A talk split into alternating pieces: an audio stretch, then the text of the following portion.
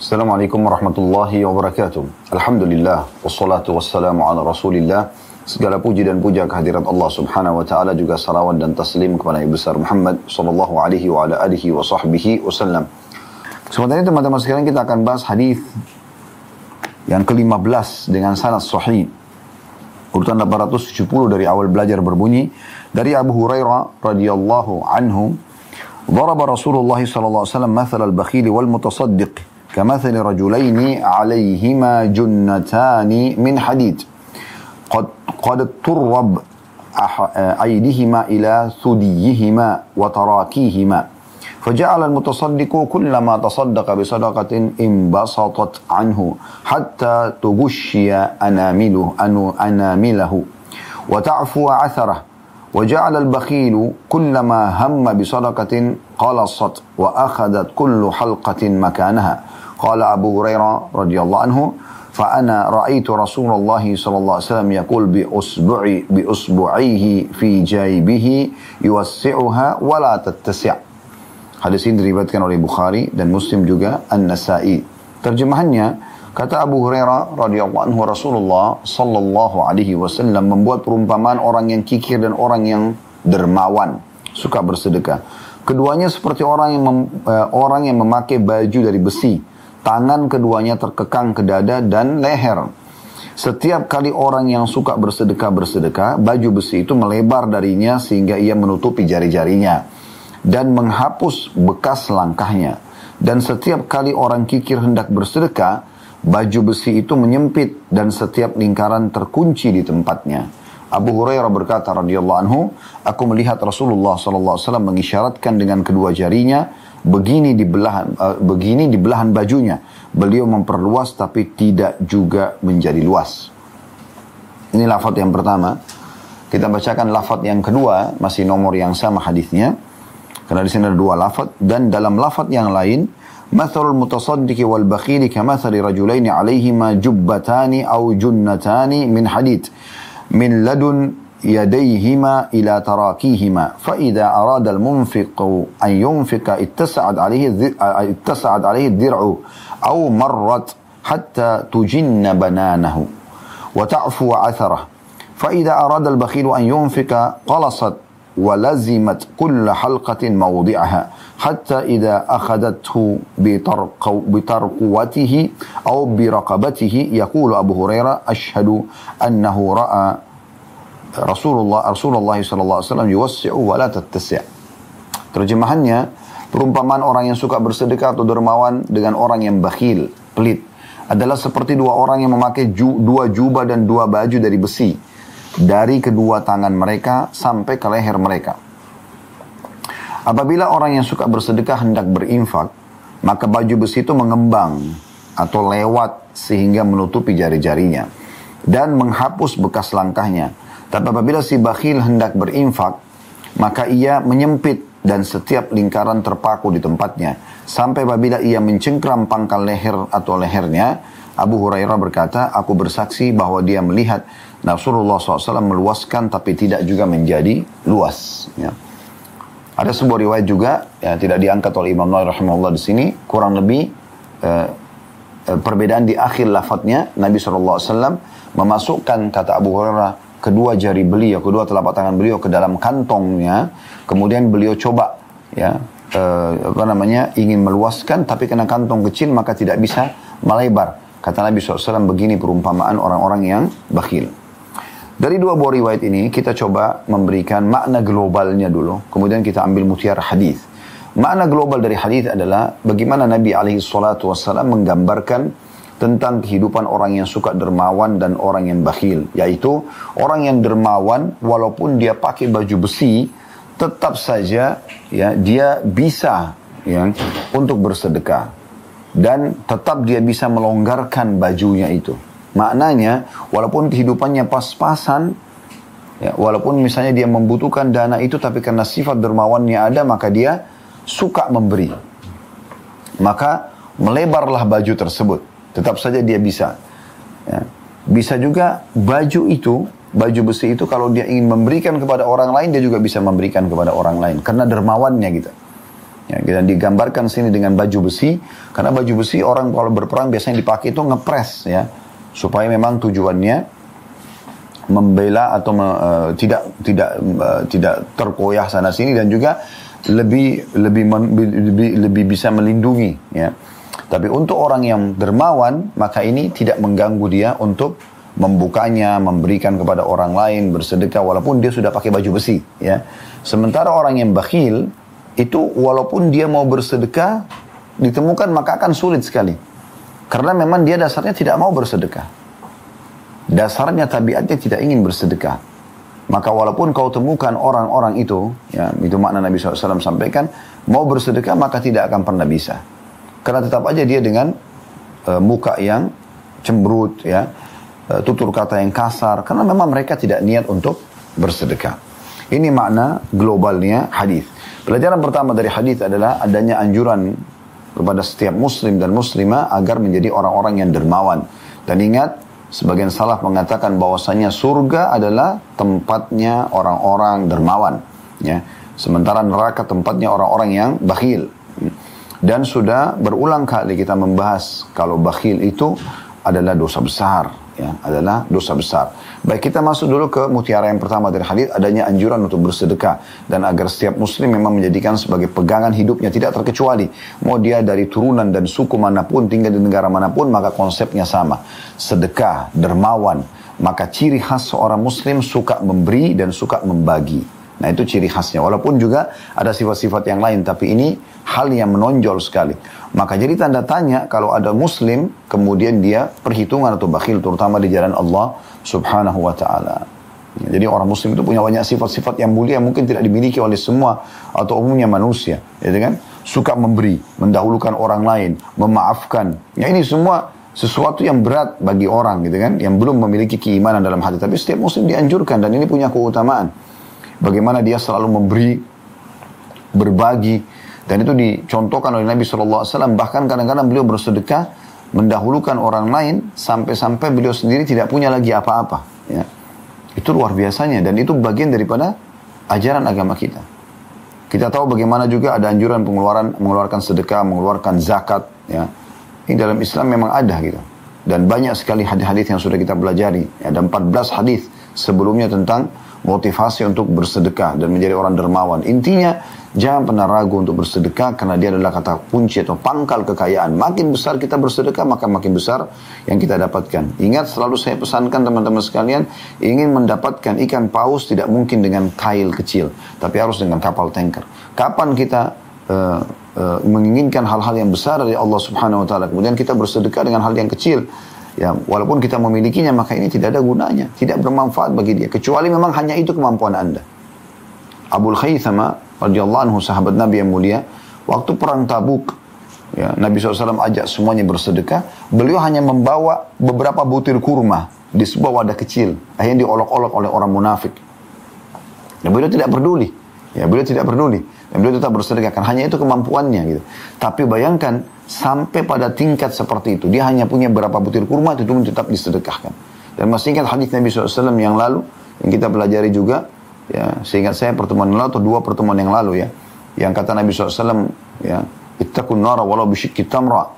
Selamatkan diri kalian dari api neraka walaupun dengan separuh kurma. Maknanya kalau seandainya kau tidak punya kecuali satu butir kurma dan saya sudah jelaskan kalau kurma itu buah yang paling mudah untuk didapatkan dan murah. Dan tidak ada orang membeli satu butir kurma. Umumnya orang membeli seperempat kilo setengah kilo satu kilo bahkan bisa membeli lebih daripada itu. Karena harganya terjangkau dan memang murah. Juga buahnya enak untuk dimakan. Nabi SAW menggambarkan kalau kau hanya punya dengan satu butir kurma pun tetap jangan makan sendirian bagi dua, berikan kepada orang lain. Itu saking luar biasanya sifat kedermawanan ditanamkan dalam Islam. Ya, ini sangat dianjurkan sekali. Pelajaran yang kedua adalah ancaman bagi orang yang bakhil. Bakhil adalah orang yang tidak mau mengeluarkan hartanya, baik untuk kebutuhan dirinya ataupun orang lain. Kebutuhan dirinya pun sering kali mereka pelit. Dan kita temukan orang seperti ini, subhanallah, walaupun melimpah nikmat depan matanya tetap saja bakhil. Dan sudah kami paparkan, uh, kalau saya, saya tidak salah, dua malam, dua Rabu yang lalu ya, di Blok M itu ada bahasan kita tentang masalah bakhil. Ini dosa besar, bukan hanya sekedar sifat buruk, tapi dosa besar. Kalau kita temukan ada orang yang berteman kemudian tidak mau berbagi, maka tidak layak jadi teman dan diragukan masalah keislamannya. Makanya Abdullah bin Mas'ud radhiyallahu anhu pernah kedatangan seseorang lalu dia mengatakan saya mencintai Anda karena Allah, ya. Kata Abdullah bin Mas'ud, kau sudah tahu perkataan itu konsekuensinya apa? Dia bilang apa konsekuensinya? Kata Abdullah bin Mas'ud, kantongku adalah kantongmu dan kantongmu adalah kantongku. Artinya sama, harta kita sama kalau kita mau bersahabat. Maka orang tersebut mengatakan saya belum mampu. Kata Abdul Mas'ud kalau gitu cari orang lain. Jadi memang begitu. Saya sudah jelaskan teman-teman sekalian di bahasan waktu itu tentang masalah bakhil. Saya di sini tambahkan untuk menambah khazanah kita kalau memang tidak sempat ikutin live kita atau hadir langsung di blog M2 Rabu yang lalu ya. Bagaimana Orang yang dermawan itu dicintai Allah, mendapatkan pahala yang besar, ya, karena ini anjuran dalam Islam dan dicintai oleh manusia. Dan pasti langgeng semua hubungan dia dengan siapa pun, dengan istrinya, dengan suaminya, dengan anak-anaknya, dengan orang tuanya, dengan kerabatnya, dengan teman-temannya, dengan atasannya, dengan bawahannya, dengan pimpinannya, dengan bawahan, dengan masyarakatnya. Akan langgeng kalau seseorang itu dermawan. Tidak akan pernah bertemu teman-teman sekalian. Cinta abadi dalam rumah tangga dengan kepelitan. Bakhil. Tidak mungkin. Tidak mungkin langgeng persahabatan dengan pelit. Tidak mungkin langgeng hubungan yang baik antara atasan sama bawahan. Bawahan sama atasan. Anak sama orang tua. Orang tua sama anak. Kemudian pemerintah sama masyarakat. Masyarakat sama pemerintah. Kalau orang bakhil. Tidak mungkin. Itu yang digambarkan Nabi SAW waktu bertanya kepada Bani Salama, ya siapa pemimpin kalian? Maka mereka mengatakan Al-Ja'ad ibn Qais. Ini salah satu orang munafik di Madinah. Eh, kemudian digambarkan oleh sahabat-sahabat saat itu dia berwibawa tapi orangnya bakhil. Kata Nabi SAW penyakit jiwa apa yang lebih berat daripada bakhil itu. Jadi mutiara yang kedua dari hadis adalah ancaman dan larangan untuk pelit. Harus belajar teman-teman untuk berbagi. Kapan ada bisikan untuk kita tidak bersedekah, saya sudah bahas panjang lebar dan Anda bisa kembali lagi di surah Al-Baqarah surah nomor 2 ayat 261 sampai 274. Di antara ayat-ayat itu ada Allah SWT mengatakan asyaitanu ya'idukumul faqra wa ya'murukum bil fahsya.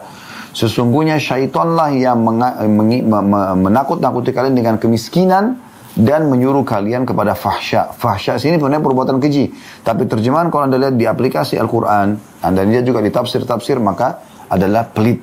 Syaitan yang membuat kita pelit, ragu, ya. Bantu nggak ya? Kasih nggak ya? Bahkan kalau kita sudah tetap mau bersedekah syaitan akan coba memperkecil ya secara kuantitas daripada sedekah tersebut. Misalnya anda buka dompet anda ingin bersedekah dengan pilih antara 5 ribu, 10 ribu, 100 ribu maka syaitan akan berusaha sekecil mungkin ya. Kalau memang dia sudah tidak bisa membendung anda untuk bersedekah. Oleh karena itu belajar teman-teman sekalian untuk memberikan yang terbaik, yang paling besar. Dengan penuh keyakinan Allah akan memberikan. Ini resep yang luar biasa. Pangkal kaya sedekah. Tidak ada yang lain. ya Tidak usah yang lain. Allah subhanahu wa ta'ala akan berikan kekayaan yang sangat luas kepada orang yang suka dermawan. Kemudian kita masuk ke hadis ke-16 dengan sanad sahih urutan 871 dari awal belajar berbunyi dari Abu Hurairah radhiyallahu anhu bahwa Rasulullah sallallahu alaihi wasallam bersabda قال رجل لا تصدقن بصدقة. فخرج بصدقته فوضعها في يد سارق فأصبحوا يتحدثون تصدق الليلة على سارق. قال اللهم لك الحمد على سارق لا تصدقن بصدقة. فخرج بصدقته فوضعها في يد زانية فأصبحوا يتحدثون تصدق الليل على زانية. قال اللهم لك الحمد على زانية. لا تصدقن بصدقة. فخرج بصدقته فوضع في يدي غني فأصبح يتحدثون. تصدق الليل على غني. فقال اللهم لك الحمد على سارق زانية غني فأوتي فقيل له. أما صدقتك على سارق فلعله أن يستعف عن سرقته وأما الزانية فلعلها أن تستعف عن زناها وأما الغني فلعله يعتبر فينفق مما أعطاه الله hadis ini diriwayatkan oleh Bukhari dan tentu ini sudah pernah disebutkan hadis ini di bab pertama bab ikhlas ya dan waktu itu kalau salah hadis-hadis pertama juga terjemahannya kata Nabi SAW seorang laki-laki berkata dalam sebuah kisah yang beliau sampaikan kemungkinan terjadi pada umat sebelum kita Sungguh benar-benar aku akan bersedekah.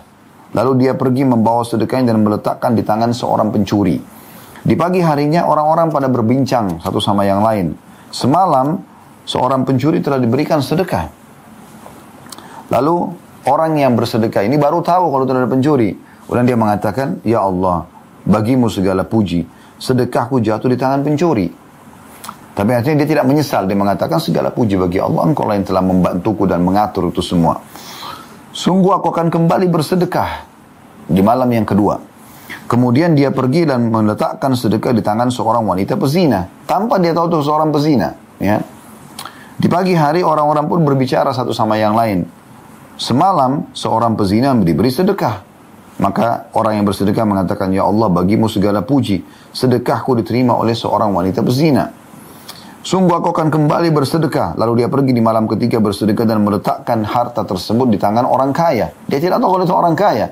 Dia kasih saja karena dia sudah niat ingin bersedekah. Kemudian di pagi hari orang-orang pada berbicara. Semalam seorang yang kaya raya diberikan sedekah. Lalu dia berkata yang memberikan sedekah ini, Ya Allah, bagimu segala puji, sedekahku jatuh di tangan pencuri, pezina, dan juga orang kaya. Maka dia didatangi, maksudnya dalam mimpinya, kata Imam Nawawi rahimahullah, dan dikatakan kepadanya.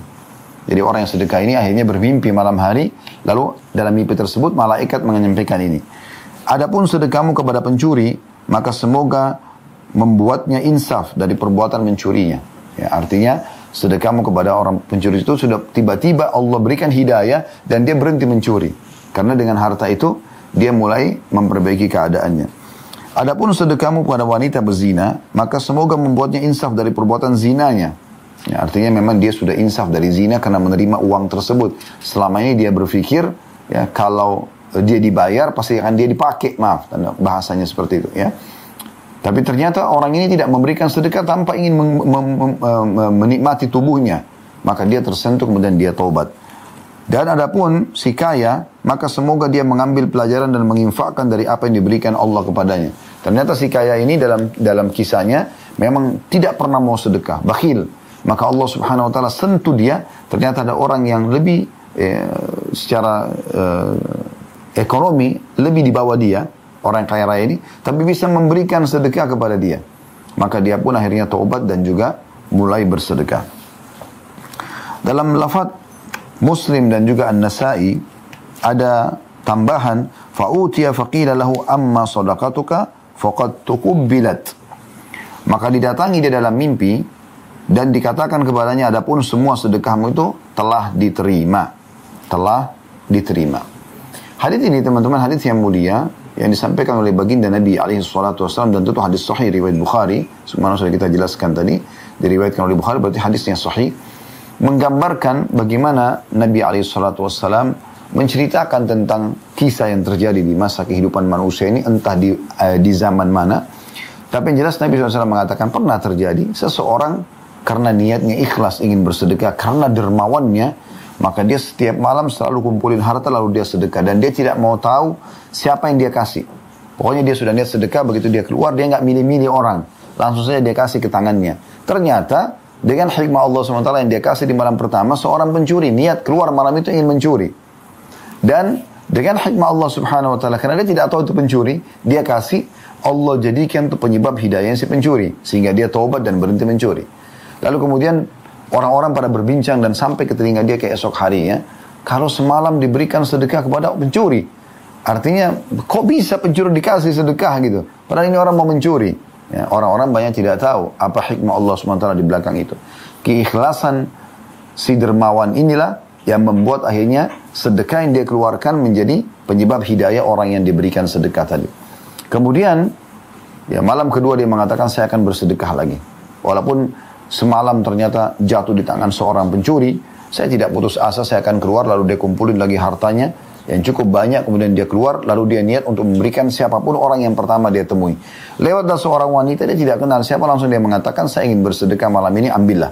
Dia tidak tahu kalau adalah seorang pezina. Kemudian dia pulang. Nah, pezina ini rupanya tersentuh. Orang dia selama ini selalu memberikan uang untuk memakai badan atau menikmati badan dia, sekarang orang ini tidak, memberikan lalu pergi. Ya, dan Allah berikan dia ini menjadi penyebab hidayahnya. Dia e, tersentuh. Ternyata ada orang-orang yang bisa membantunya tanpa harus menikmati badannya. Maka dia pun taubat. Kemudian ya dia e, besok paginya ter, terjadilah lagi sebuah perbincangan. Lalu sampai ke telinga pemberi sedekah ini ternyata semalam itu pezina. masyhur di kalangan masyarakat di sekitarnya, tapi dia tidak tahu. Dan dia mengatakan segala puji bagi Allah. Baik malam pertama untuk pencuri, malam kedua juga untuk pezina. Saya akan sedekah lagi, malam ketiga lagi dengan hikmah Allah SWT dia niat begitu dia keluar orang pertama dia temuin dia akan sedekah. Dia langsung kasih ke tangan seseorang tanpa dia tahu siapa orang itu ternyata itu orang terkaya di wilayahnya. Kemudian dia pun pulang lalu besoknya terdengar pembicaraan kalau semalam diberikan sedekah yang cukup banyak kepada orang kaya raya itu. Maka dia pun mengatakan segala puji bagi Allah terhadap ya, orang kaya yang sudah aku berikan sedekah. Karena dia tidak tahu, dia cuma niat karena Allah SWT tanpa melihat siapa yang menerimanya, dia berikan saja. Tentu beda hukumnya teman-teman sekalian kalau kita sudah tahu ini pezina dan dia akan pakai uangnya untuk berzina atau ini pencuri dia akan pakai uangnya malah mabuk-mabukan itu tidak boleh kita berikan.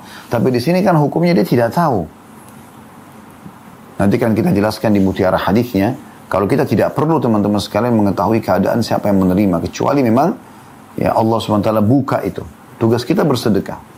Semua akan dibalas sesuai dengan niatnya masing-masing. Maka akhirnya orang ketiga ini juga menjadi atau mendapatkan hidayah, dia uh, jadi uh, dermawan setelah itu karena dia berpikir ternyata ya selama ini saya selalu pelit padahal saya orang kaya raya, ini orang lebih sedikit dari saya hartanya tapi dia mau bersedekah. Dan penutupan hadis tadi dijelaskan kalau Allah subhanahu wa ta'ala datangkan dalam mimpi malaikat yang menjelaskan kalau ketiga sedekahnya di tiga malam, tiga orang dan tiga malam tersebut semuanya sudah diterima oleh Allah subhanahu wa ta'ala. Ini gambaran globalnya hadis. Kita ambil mutiara dari hadis. Yang pertama, pelajaran yang bisa kita ambil atau faedah dari hadis adalah adanya perintah untuk bersedekah. Dan ini menjadi saksi bahasan kita di sini. Dan dalam bersedekah ini, yang penting adalah niat kita dengan Allah Subhanahu wa Ta'ala. Tanpa harus meminta atau berharap pujian dari orang. Tanpa harus memilih-milih siapa yang harus kita berikan sedekah. Sedekahkan saja. Dan selalu teman-teman sekalian jadikan amal yang sedang kita kerjakan adalah amal terakhir kita. Dari mana anda tahu? Mungkin setelah bersedekah anda meninggal setelah itu. Mungkin tadi sholat Jumat adalah sholat terakhir. Mungkin sholat asar adalah sholat terakhir. Mungkin senyum ini dengan muslim adalah senyum yang terakhir. Mungkin zikir yang sempat anda ucapkan yang terakhir. Mungkin majelis ilmu yang terakhir. Mungkin semuanya. Semua bisa terjadi. Oleh karena itu kalau orang tahu ini adalah amal terakhirnya, dia pasti akan berhati-hati. Ini diambil dari potongan sabda Nabi SAW kalau beliau ingin bertakbiratul ihram di sholat, mengimami sholat, Beliau mengatakan kepada para sahabat, Sallu al muwadda' Salatlah, ya, salat perpisahan. Anggap maksudnya setelah ya salam ini kalau akan meninggal. Supaya maksimal salat itu. Kalau seandainya Anda lagi sakit di rumah sakit, di ruangan ICU, kemudian dokter datang dan mengklaim mengatakan umur Anda tinggal berapa menit lagi. Ya. Kemudian Anda punya kesempatan sholat pada saat itu. Apa yang akan Anda lakukan? Bagaimana sholat Anda? Pasti Anda akan coba sehusyuk mungkin. Karena Anda tahu sebentar lagi malaikat pun akan mencabut roh Anda. Padahal itu perkataan dokter saja. Ini belum tentu, bisa saja belum belum meninggal karena ajalnya belum datang. Tapi ini secara medis dia berbicara. Harusnya kita tidak harus tunggu fonisan dokter seperti ini, tapi setiap saat kita bisa saja meninggal. Jangan terpengaruh dengan atau terkelabui dengan kulit yang masih kencang, uh, umur yang masih muda, ya, tenaga yang masih maksimal, mata yang masih terang, telinga juga yang masih bisa mendengar dengan baik. Itu bukan jadi tolak ukur ya, bahwasanya orang itu belum meninggal. Tapi terlalu banyak ya bukti-bukti yang membuktikan kalau kita akan meninggal dunia. Terlalu banyak. Terbukti misalnya secara rasional banyak orang yang lebih tampan, lebih cantik, lebih kaya daripada kita sudah meninggal dunia. Dan kita pun pasti akan seperti itu. Dan bukan cuma kita, para nabi-nabi, orang-orang yang mulia pun juga wafat dan meninggal dunia. Dan setelah itu, selesai yang menemani dia adalah amalnya. Kita pun akan seperti itu. Sekarang ataupun nanti. Ya, semua kita dan kita, semua kita sedang menuju ke liang lahatnya masing-masing dan pasti tinggal tunggu siapa yang lebih dulu masuk ke liang lahat tersebut. Orang yang cerdas, orang yang sadar ini dan dia mempersiapkan amal-amal setelah kematian tersebut. Di antaranya adalah amal yang besar bersedekah. Hmm. Maka ini harus difahami baik-baik. Ini adalah jadikan ini amal yang terakhir kita. Jangan menunda-nunda itu. Ya. Kemudian teman-teman sekalian, Tadi juga masuk dalam poin pertama ini anjuran bersedekah selain ikhlas karena Allah juga tidak perlu melihat siapa yang kita berikan sedekah kecuali kita tahu benar ya. Artinya kalau ada orang datang minta, tidak usah kita menilai hukum zahirnya dia sedang meminta. Tidak usah kita mengatakan orang ini benar gak sih, jujur gak sih. Gak ada urusan sama kita itu. Sama sekali gak ada urusannya. Karena semua akan dibalas sesuai dengan niatnya. Sekarang ada orang datang minta kepada saya, tolong bantu saya. Kemudian saya memberikan dia misalnya, dia minta untuk pengobatan anaknya satu juta rupiah misalnya. Lalu saya berikan. Ternyata seminggu kemudian saya tahu orang ini dusta, ya penipu misalnya. Apakah saya rugi? Jawabannya tidak. Inna a'malu bin niat. Semua akan dibalas sesuai dengan niatnya kata Nabi SAW. Saya niat bersedekah, Allah berikan sedekah untuk mengobati orang sakit walaupun bukan jatuh ke tangan orang sakit. Begitu juga dia, orang yang menipu tadi akan dihukum sesuai dengan niat dan perbuatannya. Tidak usah khawatir. Tuhan kita Allah maha melihat, maha mengetahui, maha kuasa, maha teliti. Allah subhanahu wa ta'ala mengetahui segala sesuatunya dan dia maha adil dan semua terjadi ini dengan izin Allah SWT. Ini poin yang pertama tentang masalah sedekah. Sedekah saja. Ya, dan yakinlah itu adalah kebaikan kalau kita berikan di jalan Allah SWT. Allah tidak akan kurangkan harta kita. Dan juga Allah akan berikan kadar pahala sesuai dengan niat kita. Yang kedua pelajaran dari hadis ini.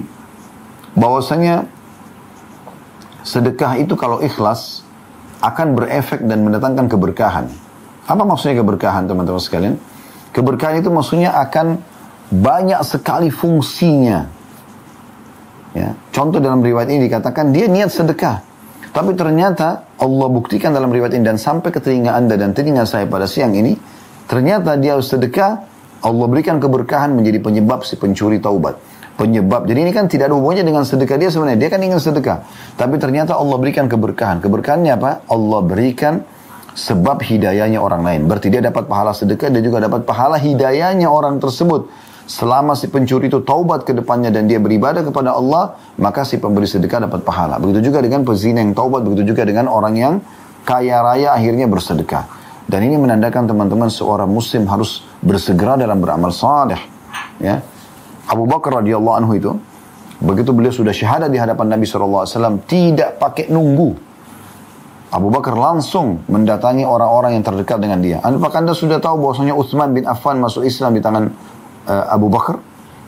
Dan berarti semua yang dikerjakan Utsman bin Affan dari sedekah, dari ibadah-ibadah dipanen pahala oleh Abu Bakar. Apakah anda sudah tahu bahwasanya Talha bin Ubaidillah sahabat dari sepuluh yang dijamin masuk, dijamin masuk surga dan orang terkaya juga sahabat akan dipanen pahalanya semua oleh, oleh Abu Bakar karena memang dia yang mengajak masuk Islam dan syahadat hanya mengajak syahadat saja. Apakah anda sudah tahu juga bahwasanya Zubair bin Awam, seorang mujahid yang terkenal, ya, hawari Nabi SAW, bodyguardnya Nabi. Ya. Dan ini luar biasa pahalanya sangat besar dan juga masuk dalam 10 dijamin masuk surga, juga masuk Islam di tangan Abu Bakar. Dan sekian banyak orang-orang yang masuk Islam di tangan beliau. Beliau yang membebaskan Bilal, maka Bilal menjadi sahabat yang mulia berjihad dan menjadi muazzin Nabi SAW selama hidup Nabi.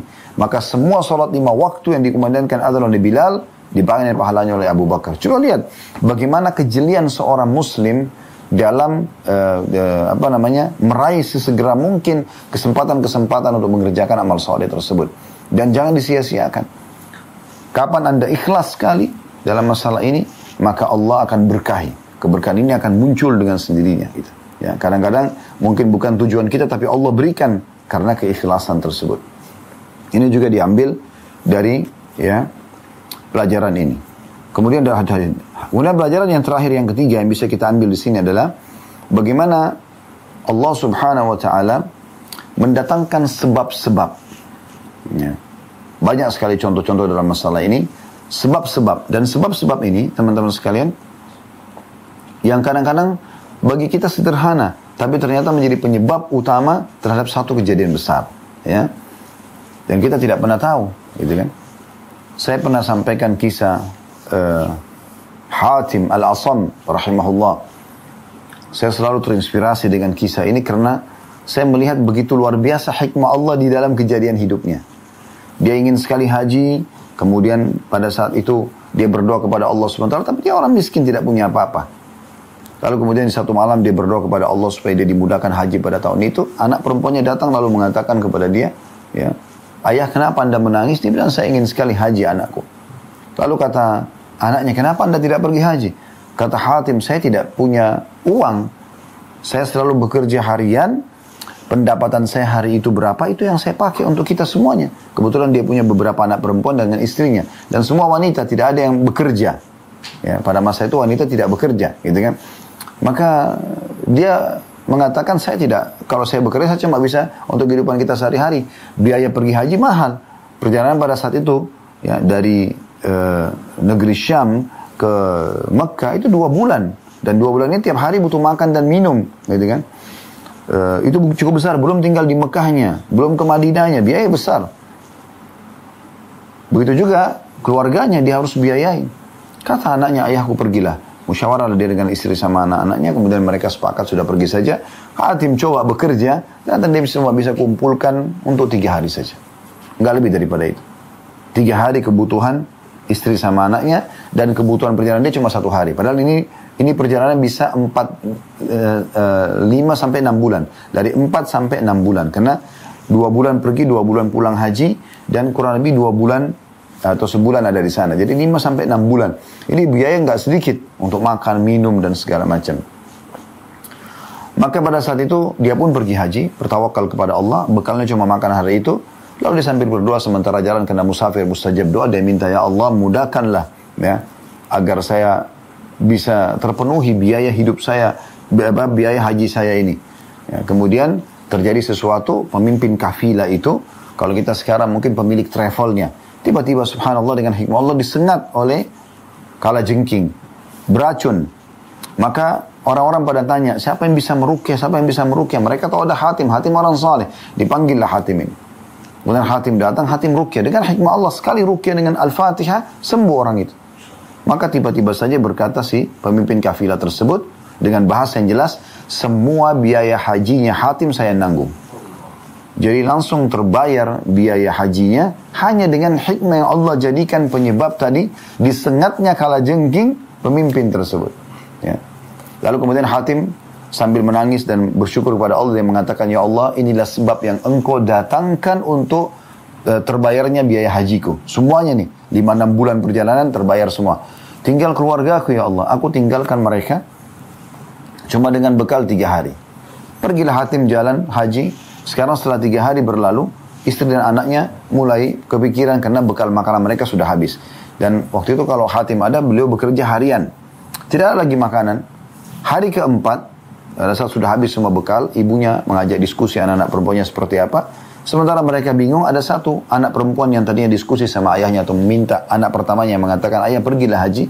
Ini datang tersenyum. Kata ibunya, kenapa kau tersenyum nak? Kita lagi susah, nggak ada makanan nih. Dia mengatakan, Subhanallah ibuku. Maha suci Allah wahai ibuku. Saya ingin tanya, ayahku ini pemakan rezeki atau pemberi rezeki? Maka kata ibunya, tentu pemakan rezeki. Dia hanya tahu menerima rezeki, dia makan. Lalu kata anak tersebut sambil tersenyum, telah pergi pemakan rezeki dan telah tetap ada saja pemberi rezeki. Artinya, ayah saya pergi dan cuma pemberi, dia pemakan rezeki. Allah yang memberi rezeki selalu ada. Baru saja dia ucapkan itu, tiba-tiba ada yang ketuk pintu rumah mereka. Kemudian si anak perempuan ini mengatakan siapa? Di depan pintu itu mengatakan kami adalah ya utusan khalifah. Khalifah dan kelompok dan, dan kafilahnya lagi lewat di depan rumah kalian. Padahal ini mereka di perkampungan yang jauh bukan di ibu kota. Bagaimana bisa khalifah punya hajat dan akhirnya mampir di kampung itu? Dan khalifah kehabisan air. Butuh air. Ada air nggak? Zaman dulu air itu tidak seperti kita ada PDAM, ada selang segala macam yang uh, artinya ada pipa air yang siap di rumah. Enggak. Zaman dulu tuh orang pergi ke mata air atau sumur, mereka angkat kendi-kendi atau bejana di kepala mereka atau di punggung mereka, kemudian mereka taruh untuk kebutuhan hari itu. Habis mereka ambil lagi besok. Seperti itu. Jadi susah sekali air. Maka dia memberikan air kepada khalifah dengan sedikit dicampurkan dengan uh, madu sehingga manis yang kebetulan ada pada saat itu. Kemudian diberi khalifah minum dahaganya hilang. Sebab ini. Sebab hanya khalifah haus, kemudian dapat air dari orang ini. Lalu dia merasa, khalifah rasa kok air ini manis, beda. Dan dahaganya hilang. Dia mengatakan kepada pengawalnya, dari mana kalian dapat air ini? Mereka mengatakan dari rumah orang miskin itu. Lalu kata khalifah, e, e, saya akan memberikan balasan kepada mereka. Lalu dia mencabut, mencabut sabuknya penuh dengan permata-permata. Dia mengatakan ini adalah buat keluarga miskin tersebut. Tidak cukup. Lalu dia teriak, Khalifahnya mengatakan kepada para pengawal-pengawal yang pada saat itu orang-orang yang terpercaya dia yang ada pada bersama-sama ikut, siapa yang menghormatiku, bantu juga keluarga miskin ini. Maka mereka semua memberikan apa yang mereka miliki terbaik karena khalifah dan akhirnya yang terkumpul sedekah itu cukup untuk membiayai keluarga tersebut seumur hidup mereka. Jadi sebabnya hanya karena khalifah haus. Allah datangkan sebabnya dan akhirnya kebutuhan terpenuhi. Pada saat mereka lagi gembira keluarga miskin ini si ibu sama anak-anaknya gembira, anak perempuan yang tadi tersenyum itu ter menangis dia. Lalu kemudian ibunya menanyakan, sungguh unik keadaanmu anakku. Waktu kita lagi susah, kau tersenyum. Sekarang kita lagi gembira karena Allah sudah tutupin kebutuhan kita untuk seumur hidup. Kau menangis. Dia mengatakan bagaimana saya tidak menangis hai ibuku. Ini khalifah, ha, manusia biasa kayak kita. Dia hanya melihat kita dengan pandangan kasihan. Dia kasihan saya sama kita ini. Maka sudah cukup memenuhi kebutuhan kita seumur hidup. Bagaimana dengan Allah yang rahmat dan jauh lebih luas? Maka teman-teman sekalian pelajaran yang luar biasa. Ambil pelajaran dari hadis ini. Bagaimana Allah menjadikan sebab karena sedekah yang ikhlas tadi di mutaran yang kedua, mutaran yang ketiganya ini sebab-sebab yang Allah datangkan. Maka menjadi penyebab dapat hidayahnya si pencuri, hidayahnya si pezina. Ini nggak gampang ini. Menyuruh pencuri berhenti itu nggak gampang. Susah sekali. Menyuruh pezina berhenti ini nggak mudah. Dia akan mengatakan lalu siapa yang mau tanggung hidup saya? Misal. Tapi Allah datangkan dengan hikmahnya sebab-sebab ini. Dan kemudian orang kaya yang tadinya pelit hingga menjadi dermawan dan ini sebab-sebab yang luar biasa tergantung tentu dengan keikhlasan kita. Oleh karena itu teman-teman sekalian jangan pernah pelit atau menilai-nilai atau memilah-milah amal soleh. Karena kata Nabi SAW la tahkirana minal ma'rufi syai'a. Jangan pernah pelit-pelit dengan sebuah amal soleh walaupun kecil. Karena bisa saja Allah berikan keberkahan tergantung keikhlasan kita hanya menjadi penyebab sesuatu yang besar. Baik teman-teman sekalian kita lanjutkan ke hadis ke-17 dan di sini ada 17a dan 17b dan urutan 872 dari awal belajar dengan sanad sahih. 17A-nya dari Uqbah bin Amir radhiyallahu anhu dia berkata aku mendengarkan Rasulullah sallallahu alaihi wasallam bersabda kullu mri'in fi dhilli sadaqati hatta yuqda bainan nas setiap orang di bawah naungan sedekahnya sehingga diputuskan di antara manusia Yazid berkata ini ada tambahan di bawah penjelasan adalah Abu Marthad. Tiada hari yang terlewatkan kecuali dia bersedekah dengan sesuatu walaupun itu sepotong kue atau sebutir bawang merah. Diriwayatkan oleh Ahmad, Ibnu Khuzaimah dan Ibnu Hibban dalam sahih keduanya. Serta juga Al-Hakim menyatakan sahih berdasarkan syarat Imam Muslim. Baik teman-teman sekalian, hadis ini hadis yang juga mulia berhubungan dengan masalah penjelasan dan motivasi untuk bersedekah sebagaimana judul bab kita tentunya. Dan di sini ada gambaran dari Nabi SAW tentang pengaruh sedekah. Bukan hanya di dunia. Kalau hadis sebelumnya tadi penyebab di dunia ya. Orang jadi baik, keberkahan, kemudian harta tidak akan berkurang. Di hadis sebelumnya juga. Ya, hadis yang ke-15. Eh, tadi di awal pertemuan sudah, sudah saya jelaskan atau ulangi kembali. Sabda Nabi SAW tidak akan berkurang harta seorang hamba karena sedekah. Jadi ini urusan dunia semuanya.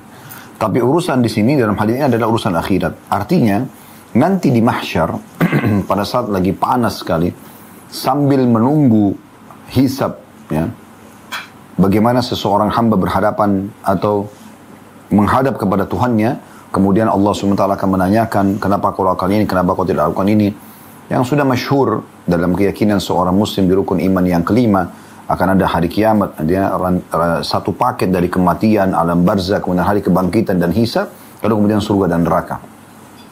Maka di saat itu orang-orang banyak ya terganggu tentunya dengan dosa-dosa yang mereka lakukan. Kata Nabi SAW ada orang yang tenggelam dengan e, keringatnya karena dosanya sampai ke mata kakinya. Ada yang sampai ke perutnya, ada yang sampai ke tenggorokannya atau ter, ter, tenggelam ya sampai ke hidungnya dan Nabi SAW memberikan isyarat dengan uh, telapak tangan beliau. Ini menandakan memang keringat itu tenggelam atau menenggelamkan dia. Tapi keringat seseorang itu tidak akan mengganggu orang lain yang ada di sebelahnya. Dia tenggelam dengan keringat sendiri. Anda bisa bayangkan teman-teman sekalian kalau seandainya kita sedang keringatan, gerah, ya. Sedikit saja mungkin uh, tetesan-tetesan keringat yang ada di tubuh kita, kita sudah merasa nggak nyaman ya. Apalagi kalau diikutin dengan udara juga yang panas ya cuaca yang panas maka lebih tidak nyaman dan kita berharap bisa mandi dengan air dingin yang segar. Itu di saat cuman beberapa tetes keringat mungkin yang menyebar di seluruh tubuh kita bagaimana kalau seseorang itu tenggelam dengan keringatnya sendiri yang kita sudah tahu ya asin baunya tidak enak dan seterusnya maka dia akan seperti itu sampai diselesaikan Eh, mahkamah Allah Subhanahu wa taala. Berapa miliar manusia ya, yang sedang dihadapkan kepada Allah Subhanahu wa taala.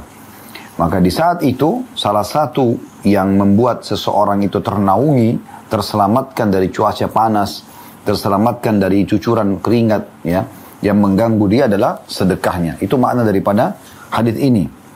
Setiap orang akan berada di, di bawah naungan sedekahnya hingga diputuskan di antara manusia nanti pada hari kiamat di mahsyar. Ya.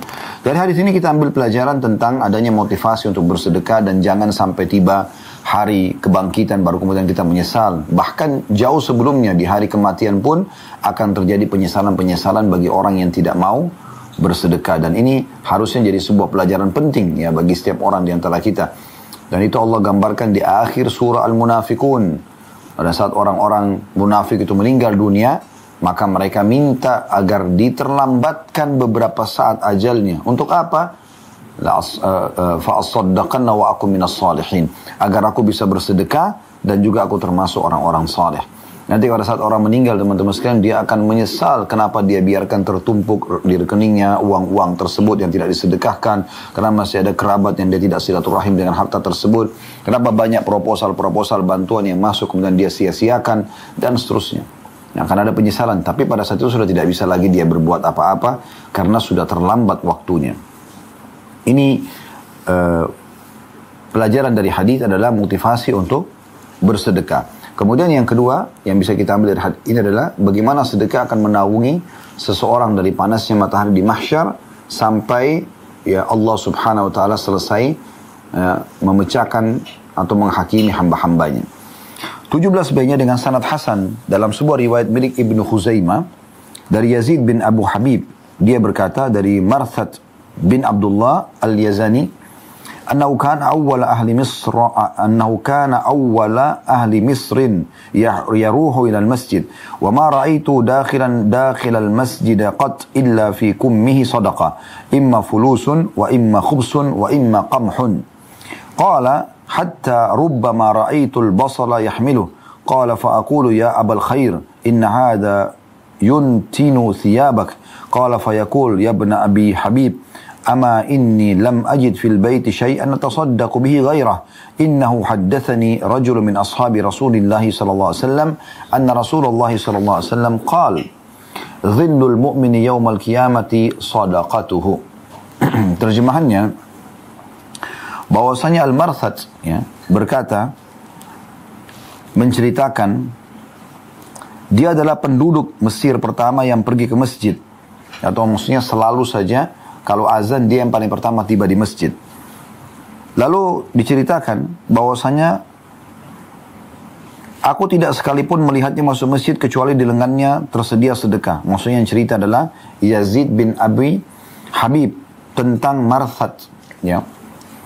Dia mengatakan bahwasanya Marthad ini setiap kali ke masjid selalu saja orang pertama tiba di masjid. Dan kata Yazid, aku tidak sekalipun melihatnya masuk masjid kecuali di lengannya tersedia sedekah. Apakah itu uang, roti, ataupun gandum. Lalu dia berkata, bahkan terkadang, maksudnya si Yazid berkata, terkadang aku melihatnya membawa bawang merah saja, sebutir bawang merah. Lalu aku berkata kepadanya, wahai Abul Khair, ini julukannya Marthad, wahai Abul Khair, ini membuat bajumu jadi uh, uh, ini membuat bajumu berbau tidak sedap. Maka dia menjawab, wahai ibnu Abi Habib, ya, disampaikan kepada Abu Habib ini, ini aku bawa karena tidak mendapatkan apa pun di rumah yang bisa aku sedekahkan selainnya. Seorang laki-laki dari sahabat Rasulullah SAW menyampaikan kepadaku bahwa Rasulullah SAW bersabda, sesungguhnya naungan seorang mumin pada hari kiamat adalah sedekahnya. Riwayat ini teman-teman sekalian diangkat oleh Imam Nawawi adalah riwayat yang menarik untuk dibahas karena memang menceritakan tentang kondisi tabi'in. Seorang tabi'in yang masyhur, Marthad rahimahullah. Dengan seorang temannya, ya, di sini yang bernama Abu Habib atau Yazid bin Abi Habib. Abu Habib ini menceritakan bagaimana uh, hadis yang dia dapatkan dari Marthad ini dari seorang tabi'in tidak langsung disebutkan saja Rasulullah SAW menyampaikan seperti ini. Tapi ada kasus yang terjadi. Apa kasusnya? Ternyata dia selalu perhatikan. Marfat ini selalu kalau ke masjid orang yang pertama tiba. Pada saat juga Yazid pergi ke masjid gitu. Dan selalu saja ada sedekah yang dibawa.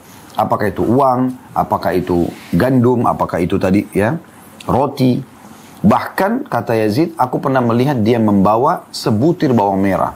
Kalau aku sempat menegurnya, aku mengatakan kepada Marsad, ini membuat baju anda tidak sedap karena bawang bisa membuat bau tidak sedap. Dia mengatakan saya tidak punya apa yang bisa saya di rumah kecuali ini. Dan saya telah mendengarkan dari seorang sahabat Rasulullah SAW bahwasanya Rasulullah bersabda Sallallahu Alaihi Wasallam sesungguhnya seorang mukmin akan dibawa naungannya atau naungan sedekahnya pada hari kiamat nanti. Ini gambaran umumnya hadis. Yang bisa kita ambil dari pelajaran atau pelajaran dari hadis ini yang pertama adalah adanya anjuran setiap muslim agar bersegera dalam beramal saleh. Contoh yang diberikan oleh Marsad rahimahullah adalah bagaimana beliau selalu orang pertama datang ke masjid tidak mau ketinggalan takbiratul ihram pertama imam ya kemudian juga sholat qobliyah dan seterusnya. Kemudian juga dia selalu menggabungkan antara kesempatan beramal ini sholat di masjid dengan membawa sedekah. Karena umumnya orang kalau dari rumah ke masjid itu melewatin orang-orang. Ya apalagi di, waktu sholat duhur sholat asar sholat maghrib ini masih banyak orang yang bisa kita temui yang kemungkinan kita bisa bersedekah dengannya. Maka dia tidak pernah keluar. Artinya, lima waktu sholat dari subuh, duhur, asar, maghrib, isya, Marsad rahimahullah tidak pernah keluar tidak membawa sesuatu yang dia bisa sedekahkan. Kalau dia bisa bawa uang, dia bawa uang atau roti ataupun gandum ya. Gandum itu berarti serbuk kayak kita tepung ya. Itu juga dibawa ataupun bahkan sebutir bawang. Dan dia terus melakukan ini dalam sehari berterima kali dia bersedekah untuk menjalankan apa yang Nabi atau mendapatkan apa yang Nabi SAW janjikan dalam hadisnya sesungguhnya orang mukmin akan dibawa naungan sedekahnya pada hari kiamat nanti. Maka ini sebuah pelajaran penting bagaimana seorang mukmin mutiara pertama dari hadis tidak menyia-nyiakan kesempatan beramal soleh dan dia selalu coba selama dia bisa ikutkan amal soleh itu dengan amal soleh yang lain kenapa tidak? Contoh tadi sholat ke masjid kemudian juga mempersiapkan di kantong sedekah dan di Indonesia mudah sekali. Bahkan tukang parkir di masjid atau musola pun bisa kita berikan sedekah dan banyak orang yang luar lalang juga bisa kita berikan sedekah. Umumnya orang kalau diberikan uh, hadiah orang senang. Saya berapa kali menemukan di Masjid Nabawi, di Masjid Haram, bahkan di Masjid Aqsa pada saat itu hampir saya sering temukan di tiga masjid ini tidak asing ada orang bahkan sering membawa coklat Coklat-coklat kadang-kadang dibawa anak, dikasih anak kecil, dikasih orang juga yang lewat, dengan ada orang yang membawa kurma, ada apa saja yang dia ingin sedekah dia sedekahkan. Dan dia tidak pulang kecuali dia mensedekahkan itu. Bahkan kadang-kadang subhanallah lihat ada orang yang susah. Tidak dari pakainya kelihatan orang ini susah. Tapi tetap dia bisa memberi apa yang dia bisa berikan. Minimal dengan orang yang sholat di sebelah dia. Maka ini berarti menggabungkan antara dua amal soleh yang memang memungkinkan itu dicontohkan oleh Marsad dalam riwayat ini. Ini pelajaran pertama. Pelajaran yang kedua dari hadis adalah bagaimana seseorang berusaha untuk mempraktekkan hadis-hadis Nabi alaihi salatu wasallam semampunya. Ya. Di sini Marsad memberikan pelajaran penting buat kita rahimahullah kalau hadis yang baru kita bacakan tadi so, naungan seorang mukmin pada hari kiamat adalah sedekahnya maka dia tidak ingin lewat satupun kesempatan dia selama dia hidup kecuali diikuti dengan sedekah dan dia praktikin dalam hidupnya Berapa banyak kaum muslimin dan muslimat yang dengar tentang keutamaan sedekah tapi juga tidak mau sedekah. Berapa banyak yang mendengarkan tentang keutamaan puasa tapi tidak puasa. Atau sholat berjamaah tapi tidak melakukannya dan seterusnya. Padahal sebenarnya seseorang itu harusnya mempraktikkan ilmu agama. Karena perintah agama ini dipelajari untuk dipraktikin. Sementara ancaman atau larangan dalam agama itu untuk dipelajari dan dijauhi. Ini kurang lebih pelajaran dari hadis yang kita ambil pada kesempatan ini dan insya Allah ke depannya kita akan lanjutkan di hadis nomor 18 di bab yang sama. Kalau ada benar dari Allah, kalau ada salah dari saya mohon dimaafkan. Subhanakallahumma bihamdika. Asyhadu an la ilaha illa anta astaghfiruka wa atubu ilaik. Assalamualaikum warahmatullahi wabarakatuh.